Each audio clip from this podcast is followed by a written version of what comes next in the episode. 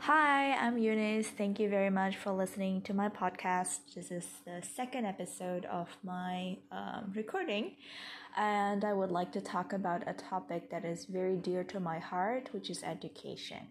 I started my journey in education um, around three years ago. Um, actually, I've been wanting to uh, teach since I finished high school, but then uh, because of um, lack of family support and also you know um, advices from family and parents that um, saw teaching as a less attractive career path. So i uh, well at that time i'm not gonna deny that i also thought that way.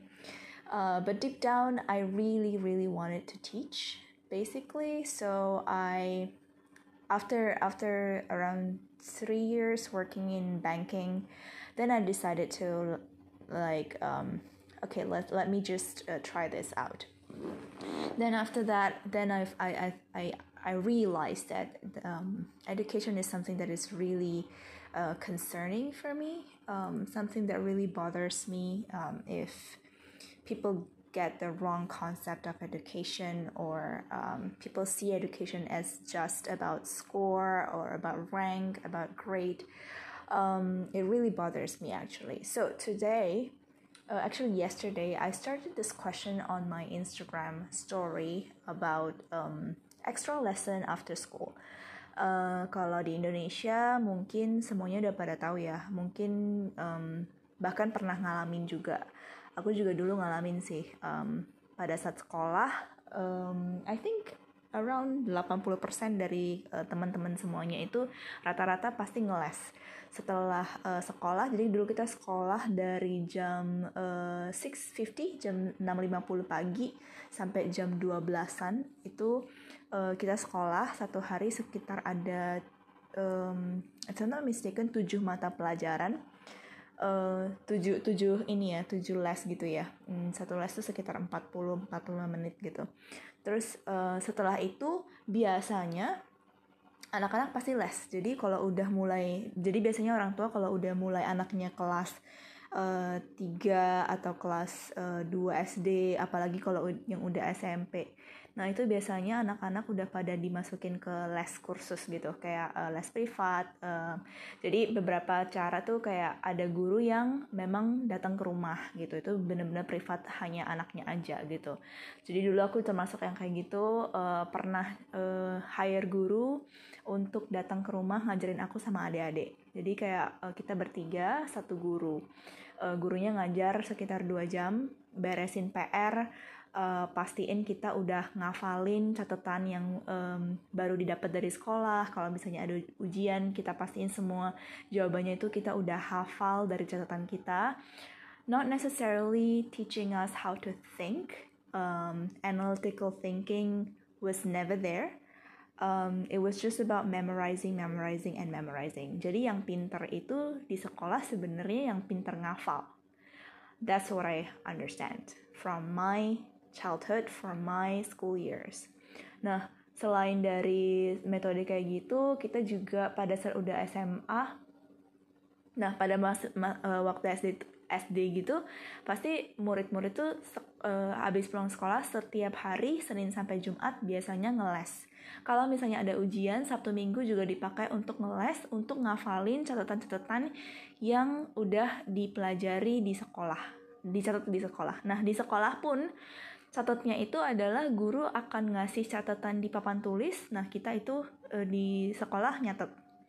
Oke, okay? nah kalau PR, kalau catatannya nggak lengkap, biasanya orang tua kadang nyari ke sekolah, nyari temennya, pinjem um, catatan dari anak yang um, catatannya lengkap, lalu di copy untuk dikasih ke anaknya. It's like that right? Terus udah sampai SMP, SMA biasanya kita kenal dengan les mafia, matematika, fisika, kimia. Karena kalau udah SMP, SMA biasanya kalau ngafal itu udah ibaratnya udah ngerti lah ya gimana cara ngafal. Tapi kalau untuk matematika, fisika, kimia, bagian-bagian um, yang eksak gitu ya, um, itu kan butuh pemahaman yang lebih. Nah itu biasanya kita ada extra course kayak gitu. Nah extra course kayak gitu biasanya kita datang ke rumah gurunya uh, atau misalnya uh, tuition center gitu ya. Nah biasanya satu guru ada sekitar I don't know 5, 10, 15 anak. Nah, gurunya itu biasanya satu guru lalu ada satu guru asisten misalnya kalau misalnya sampai 15 sampai 20 orang. Tapi kalau misalnya kayak masih lima orang masih bisa dihandle itu biasanya satu guru. Nah, metode belajarnya pada saat kursus adalah anak-anak ke tempat lesnya, keluarin PR-nya, ngerjain PR-nya, lalu kasih ke guru lesnya untuk dicek bener apa enggak gitu. Nah, kalau misalnya uh, salah, nanti diperbaiki. Diperbaikinya baru dia ajarin lagi, ini konsepnya gini, gini, gini, gini. Baru diperbaiki. Nah, tapi kalau misalnya anak yang udah memang, um, gimana ya, yang di sekolah lebih perhatian sama guru, terus duduknya di uh, baris paling depan biasanya, terus uh, memperhatikan gurunya mengajar, atau memang anaknya pada dasarnya emang suka matematika, fisika, kimia, uh, biasanya mereka belajar sendiri, tapi karena orang tuanya memang um, harus sih kayak mungkin udah memang budayanya ya untuk ngeles gitu kan. Nah pada saat udah uh, di tempat les kalau anak-anak yang memang udah unggul dalam mata pelajaran itu biasanya nggak akan ngapa-ngapain. Paling dari 1 sampai 2 jam uh, di tempat les itu paling nanya ke guru sekitar 15 menit dan udah selesai terus um, pastiin PR-nya semua udah selesai, pastiin nggak ada ujian, semuanya uh, udah beres dan pulang. Nah biasanya itu seminggu tiga kali. Nah jadi budaya les ini um, gimana ya? Dulu aku juga ngalamin, tapi sekarang sejak um, aku udah ngerti lebih banyak soal dunia pendidikan, I think it's not a right way to to teach or to learn jadi uh, kenapa aku bawa topik ini karena uh, selama tiga tahun aku berkecimpung dalam dunia pendidikan.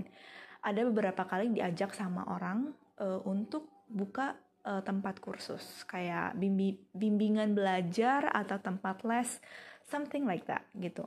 Nah, kenapa mereka sampai uh, nawarin ke aku?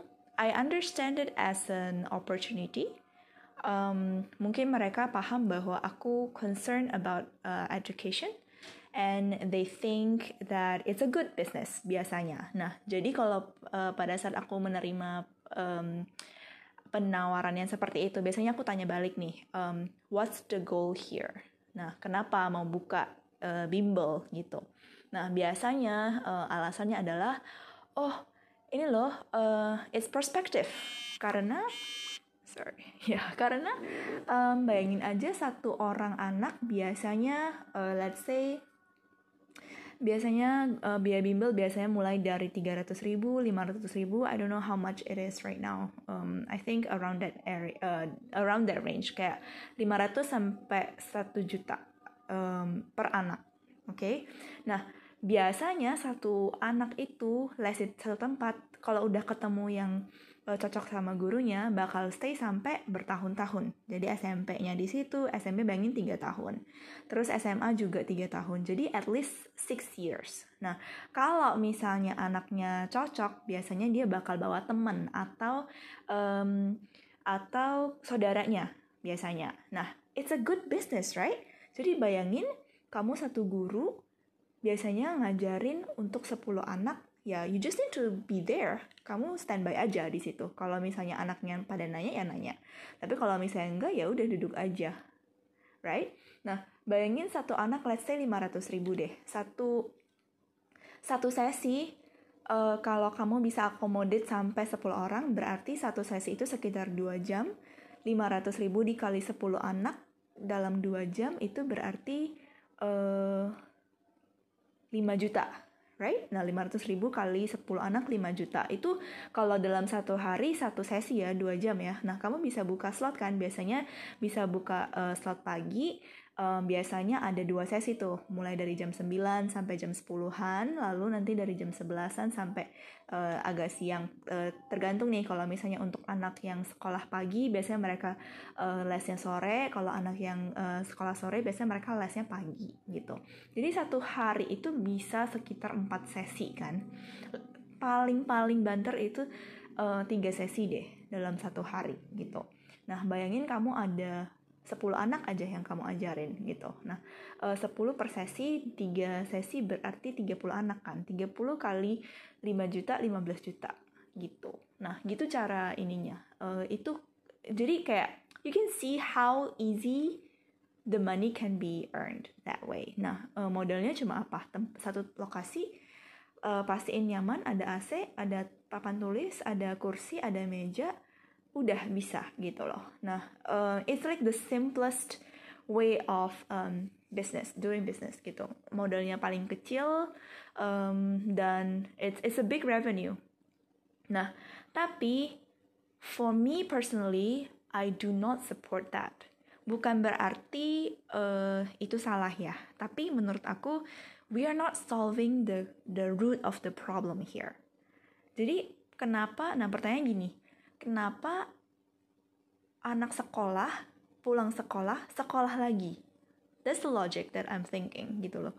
Nah, kenapa di sekolah udah belajar tapi pulang belajar uh, hal yang sama, ngerjain PR um, dan semuanya itu kayak kenapa anak kita harus ada kayak um, alternatifnya, harus ada double checkernya gitu loh.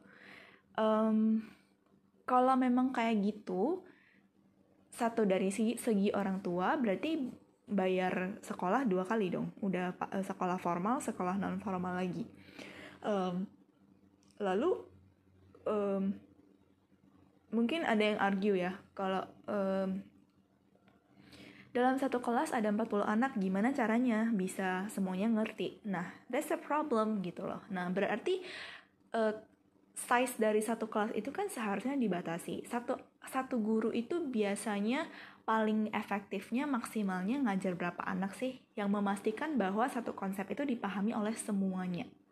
Gitu loh. Semuanya uh, understanding levelnya itu sama gitu loh. Nah, mungkin aja dalam dalam satu uh, kelas itu ada uh, 10 anak mungkin. Nah, 10 anak itu masih manageable kalau misalnya uh, pemahaman uh, mereka masih beda gitu kan. Level pemahaman mereka masih beda. Tapi kalau misalnya bayangin udah 30 anak, 40 anak, bahkan dulu kita waktu sekolah, waktu SD aku inget banget uh, satu kelas itu sampai 70-an anak. Bahkan di di uh, kelasnya adik aku sampai 82 anak dengan dua orang guru saja gitu um, you can imagine how can all of the kids understand the concept, the same concept, di mana yang satu mungkin bukan karena nggak paham, tapi karena nggak nyaman duduknya atau mungkin uh, lagi mood swing, namanya juga anak-anak gitu. Nah, sebagai guru, bagaimana caranya bisa pastiin semuanya bisa paham uh, dan um, sehingga bisa paham gimana cara ngerjain PR-nya gitu loh. Nah, kebanyakan yang terjadi adalah uh, pada saat mereka les itu dia nggak ngerti apa-apa gitu. Sebagai contoh, dulu waktu aku SMA, um, aku dilesin kan sama orang tua gitu. Jadi pas uh, lagi malas belajar di sekolah, terus kayak ruangan itu kayak sometimes you don't know, kadang uh, AC-nya nggak nyala atau misalnya hmm, uh, mati lampu di sekolah bisa mati lampu biasanya kan. Terus I don't know kadang malas lagi malas aja because you know like it's human. Um, terus pada saat gitu ya ini aja mikirnya gini aduh males deh sekarang belajarnya. Nanti juga ada guru les. Aku kalau nggak ngerti nanti bisa ngajar eh, nanti bisa uh, belajar dari guru les gitu loh. Nah with that mentality gitu loh how do you think school the school system is working at the moment gitu? Dan oh, the how to say bagian yang lebih sedihnya adalah pada saat um, I found out that it hasn't changed. Dari dulu uh, pada saat aku sekolah itu sekitar 12 tahun lalu imagine it's more than a decade already and it never changed gitu. Um yeah so that is why whenever people ask me if i want to join them to open a, a tuition center like that i never want to uh, I never agree with that gitu karena bagi aku kalau aku setuju untuk buka bimbel kayak gitu um, berarti aku mendukung kondisi sistem pendidikan saat ini gitu. But I do support students that take extra lessons that are not taught at school. Jadi misalnya nih ekstrakurikulernya, um, no, jadi Eh, les tambahannya itu adalah misalnya bahasa. Nah, bahasa itu kan satu satu hal yang oke okay lah kita belajar bahasa Inggris di sekolah. Tapi again, belajar bahasa Inggris di sekolah level masing-masing murid beda-beda, tapi satu kelas biasanya semuanya sama gitu. Jadi um, aku pernah dapat satu murid yang uh, udah SMA tapi um, bahasa Inggrisnya udah advanced, advanced level itu udah yang kayak udah bisa bikin essay harusnya, terus udah artikel-artikel yang um, jurnalistik gitu seharusnya udah bisa ngerti kan. Tapi sebenarnya pada saat uh, kita ngomong sama anaknya itu he could barely speak English gitu. Gimana caranya dia bisa paham um, uh, kosakata yang uh, rumit atau uh, struktur kalimat yang lebih rumit gitu. Sedangkan um, ngomong aja untuk hal-hal yang casual aja masih belum bisa gitu. Then taking extra courses for languages are okay. That's my point of view karena beda-beda masing-masing murid itu levelnya beda-beda dan uh, interestnya juga beda-beda. Ada orang yang justru nggak mau ambil extra courses di luar untuk bahasa karena di sekolah udah dapet, it's fine gitu. Tapi skill bahasa, skill nari, nyanyi, uh, masak, lalu um, olahraga, atletis, apa pun itu, sesuatu yang tidak diajarkan di sekolah secara spesifik, gitu, um, yang nggak ngikutin standarnya sekolah. Nah itu boleh diambil. Jadi misalnya ada murid yang ngambil uh, les matematika dan uh, pelajaran di lesnya itu udah jauh lebih uh, cepet, lebih maju daripada uh, yang di sekolah. It's fine. Then because then uh, it means the students really want to be a mathematician which is okay. Karena kalau di sekolah kan kita belajarnya general aja kan nggak nggak in depth kan gitu.